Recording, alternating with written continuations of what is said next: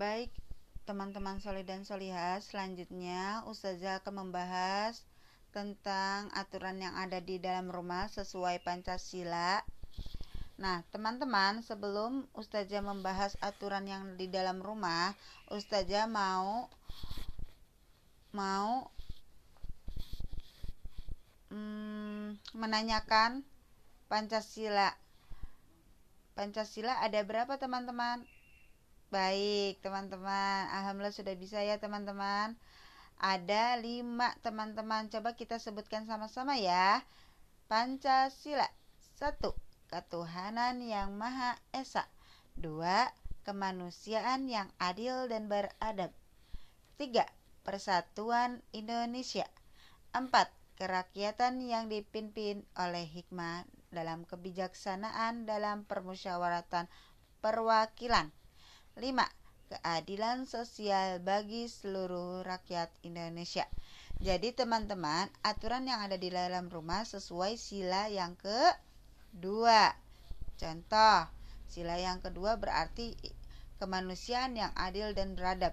Di situ mencangkup tentang kerjasama, keadilan, gotong royong, sesama keluarga. Seperti itu teman-teman.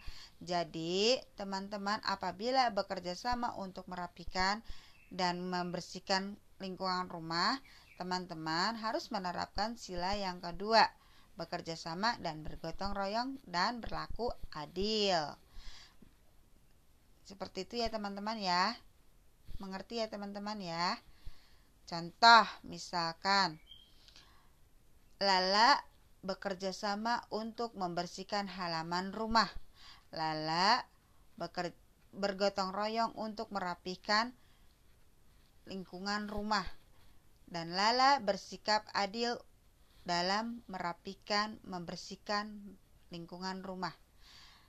Seperti itu teman-teman. Jadi teman-teman tidak boleh misalkan kakak dulu deh, kakak yang membersihkan rumah, kakak yang menyapu. Tidak seperti itu ya teman-teman. Jadi sudah ada bagian-bagian pekerjaan di dalam rumah. Contoh, kakak mengepel lantai, adik menyapu lantai, ayah memotong rumput di, di halaman rumah, ibu bertugas memasak. Seperti itu teman-teman. Mengerti ya teman-teman ya?